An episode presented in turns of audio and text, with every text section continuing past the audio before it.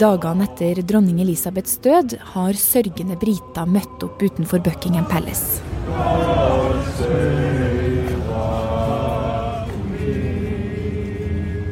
Bildene som har rulla over TV-skjermene her hjemme den siste uka, er et Storbritannia i landesorg.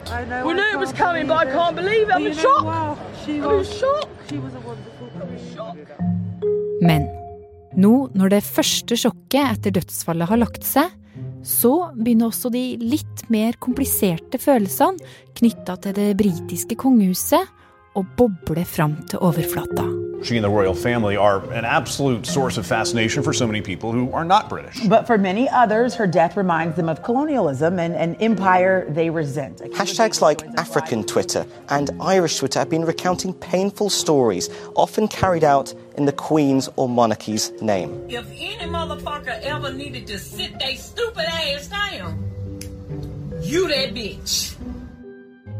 I dag er det torsdag 15. september. Jeg er Marit Eriksdatter Gjelland, og du hører på Forklart fra Aftenposten.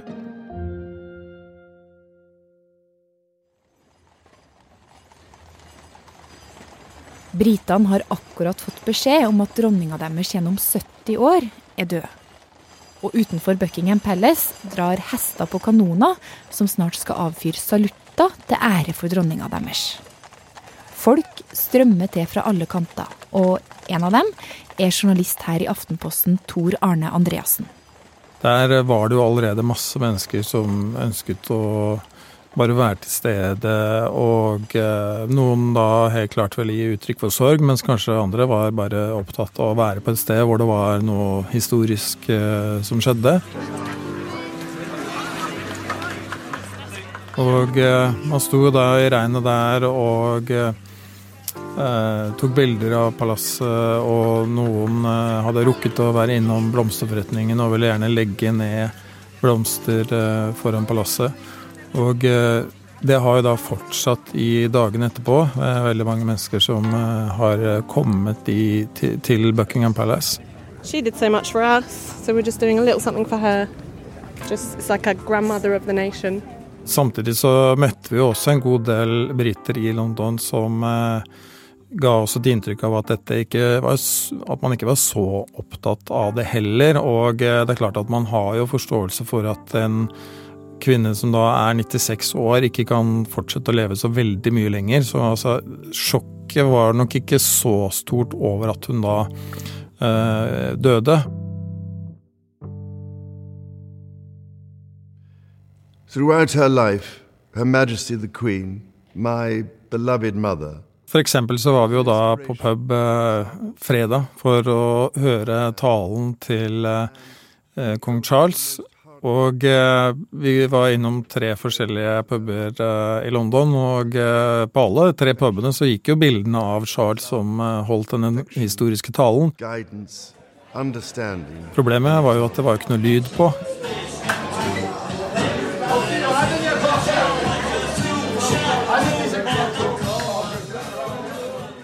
Og ingen hadde noe interesse av å få den på heller. Så altså eh, Interessen for eh, hva den nye kongen hadde å si, var jo begrenset, da, i hvert fall hos de som eh, var på disse pubene. De var mer opptatt av å kose seg med mat og drikke, og ikke så opptatt av hva Charles hadde å si. Og går du litt ut av Buckingham Palace og Londons bykjerne, så er det ikke bare lav lyd på TV-en, men et ulmende ønske om løsrivelse. For selv om mange skotter har vært ute i gatene og sørga, så står et spørsmål om løsrivelse fra hele unionen på trappene. Og tar du turen over til naboøya Irland, som en gang var under britisk styre, så er stemninga alt annet enn sorgtung. I hvert fall på Twitter, da.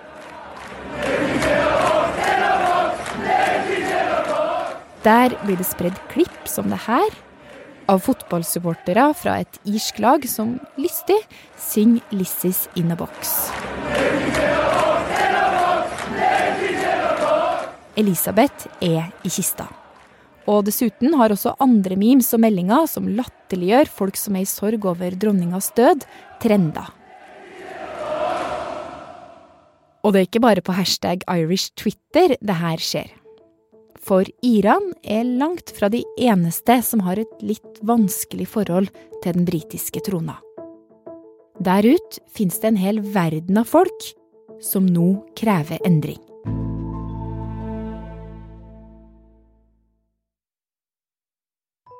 Da dronning Elisabeth døde, satte det også fyr på en debatt som lenge har hjemsøkt kongehuset. For some, it's impossible to detach the idea of the Queen, who for most people is quite a kind, duty bound woman, from the institution that she was a part of. There's a complicated legacy on the African continent. Dronning Elisabeth var jo ikke bare dronningen av Storbritannia. Hun var også en gang i tiden dronningen av et vanvittig stort og mektig imperie, som var kanskje det største verden har sett. Um, og det er dette imperiet og arven til imperiet som nå kong Charles arver. Og jeg er jo sjøl et produkt av det britiske imperiet, pleier jeg å si. Nasneen Khan Østrem er kommentator her i Aftenposten. Hun har bodd mange år i England, men er født i Kenya. Besteforeldrene hennes, som var byråkrater i det britiske jernbaneverket, flytta dit fra India for å bygge jernbane på 30-tallet. På denne tida var begge disse landene kolonier og en del av det britiske imperiet, som strakk seg utover opp mot en firedel av verden. Og dette imperiet var også familien til Nasnin en del av. Når man tilhører den gruppen som heter Kenyan Asians, for det er den begrepsbruken som, som Eller den der merkelappen som brukes om oss, um, så har foreldrene mine da vokst opp uh, under et regime som var veldig hierarkisk. Det var de britene var på toppen, og så var det asiaterne i midten, og så var det de såkalte innfødte på bunn. Og det som skjedde da, var jo etter hvert at um, kenyanerne de bestod av veldig mange stammer, og de begynte jo å gjøre opprør mot det britiske kolonistyret. Og min far og min onkel var var lege, ehm, og de ble veldig ofte tilkalt eh, for å være til stede under konsentrasjonsleirene som britene bygget for å holde dette opprøret i sjakk. Og da kunne de eksempel bli bedt om å passe på når de pisket fangene, og da måtte min onkel komme inn og si ok, nå må dere stanse, for dette går ikke, så mange piskeslag er ikke akseptabelt. Så det var et voldsomt eh, regime av tortur som britene holdt på med i, i kolonistyret sitt. Og Kenya var jo ikke det eneste stedet denne brutaliteten forekom. Det finnes endeløse lister over, den, over vold som britene har begått.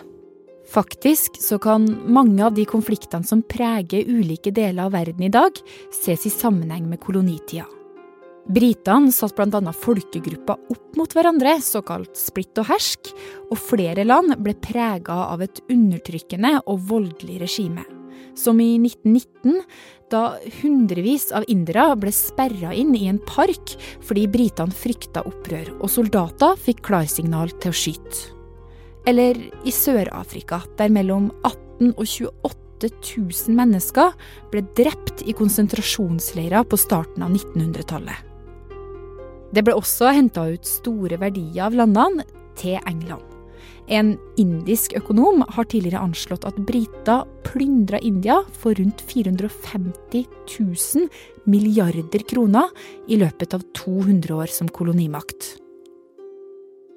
Og de skyldte ofte sporene sine. I forbindelse med den brutaliteten som fant sted i Kenya, så ble den ganske godt dokumentert, men de da valgte å skjule disse arkivene eh, i Storbritannia, som nå da ble gravd fram i forbindelse med en rettssak som pågikk mellom 2011 og 2013. Da kom det fram hvor mye som faktisk hadde skjedd.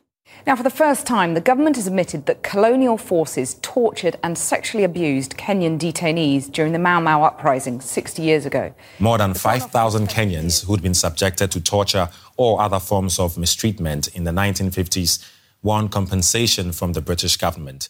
Nasneen, de her historiene om grusomhetene som foregikk den tida mange land i verden var under britisk styre, det begynner jo å bli lenge siden.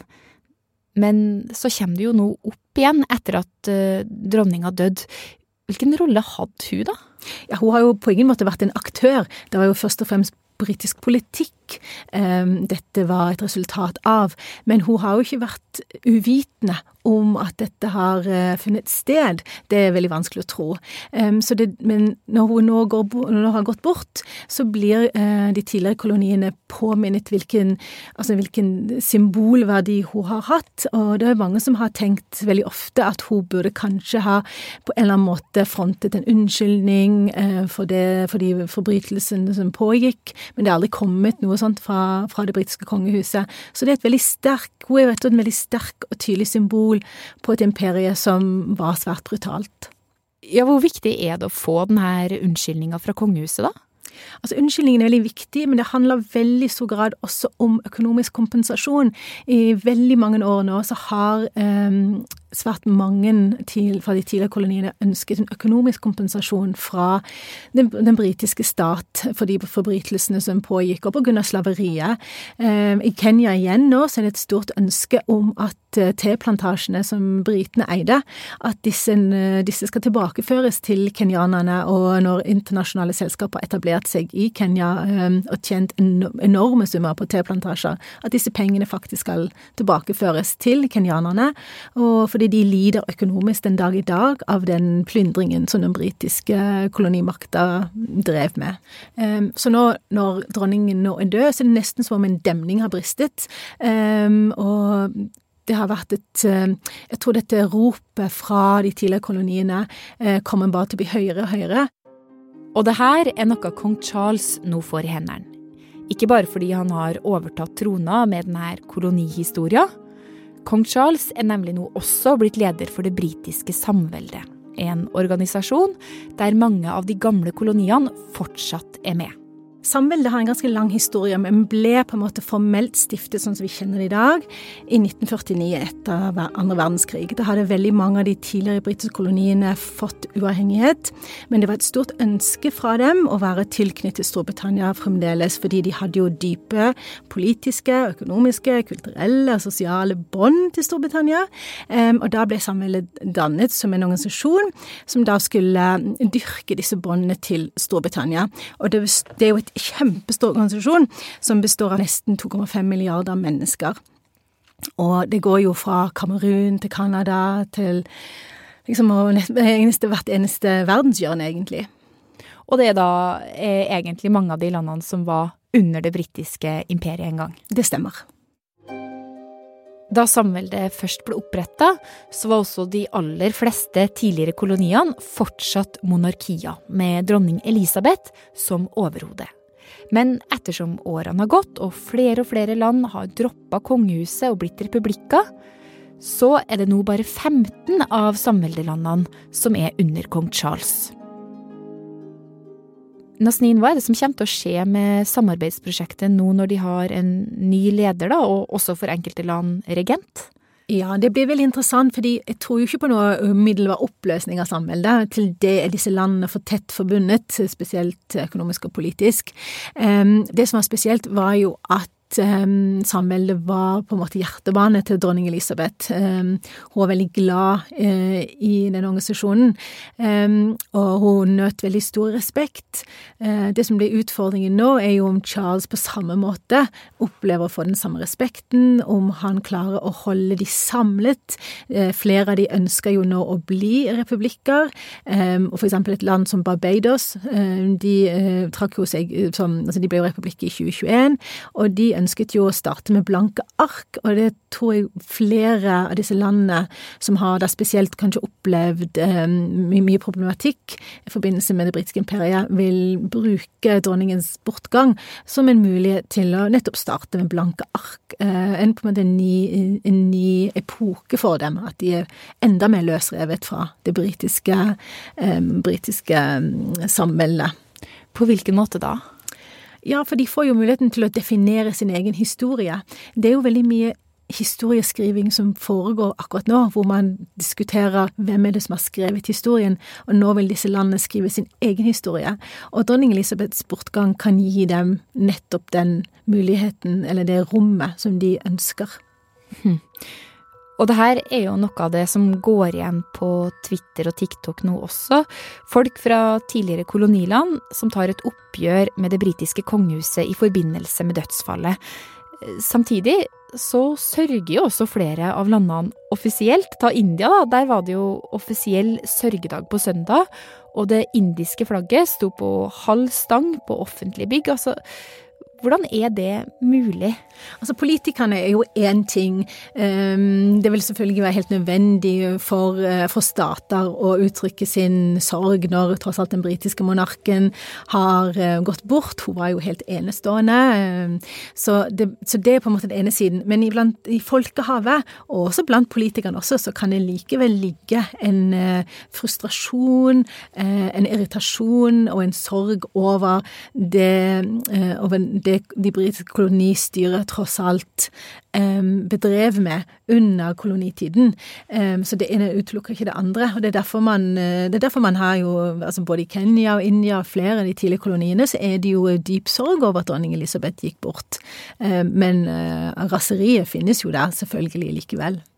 Er kong Charles mannen da, til å holde samveldet samla? Altså, hva er fremtida til det britiske kongehuset nå?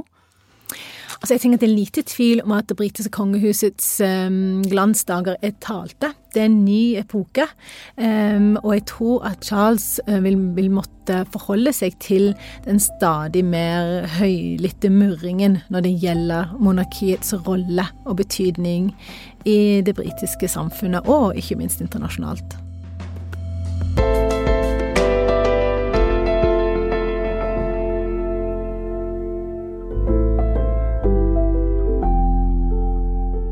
Det var Nasneen Khan Østrem og Tor Arne Andreassen du hørte i denne episoden. Lyd var fra Twitter-kontoene Dublinboy, Superdave og Dana. Ellers har du hørt lyd fra Euronews, Four News, Deutsche Welle, CNN, ABC og nyhetsbyrået AP. Episoden var laga av David Vekoni og meg, Marit Eriksdatter Gjelland. Resten av Forklart er Fride Nesten Onsdag, Jenny Føland, Synne Søhol, Anne Lindholm og Anders Weberg.